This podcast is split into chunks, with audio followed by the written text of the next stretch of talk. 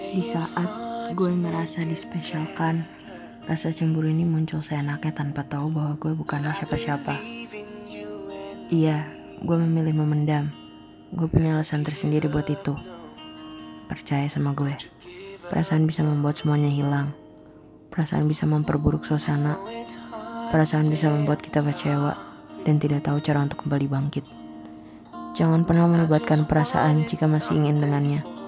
Walau sebatas teman, ya itu menurut gue. Namun, hidup ini terlalu bersalah. Dipendam menyakitkan, diungkapkan kehilangan. Mungkin semuanya sudah pernah gue coba, tapi gue cuma jadi kata-kata panjang yang menjawab singkat. Dan dengan basi-basi gue yang gak pernah lu anggap. Tapi gue percaya bahwa semua pasti bakal indah pada waktunya. Dan lagi gue tersenyum melihat ujung bibir itu kembali terangkat. Walau bukan gue alasan yang bikin lu senyum. Tapi gue bahagia.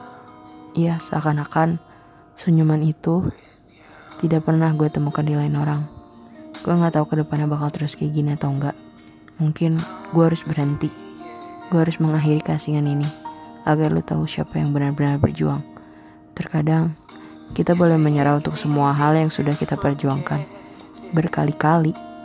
Mungkin itu cara terbaik Tuhan untuk bilang bahwa ada yang lebih baik dan pantas daripada dia.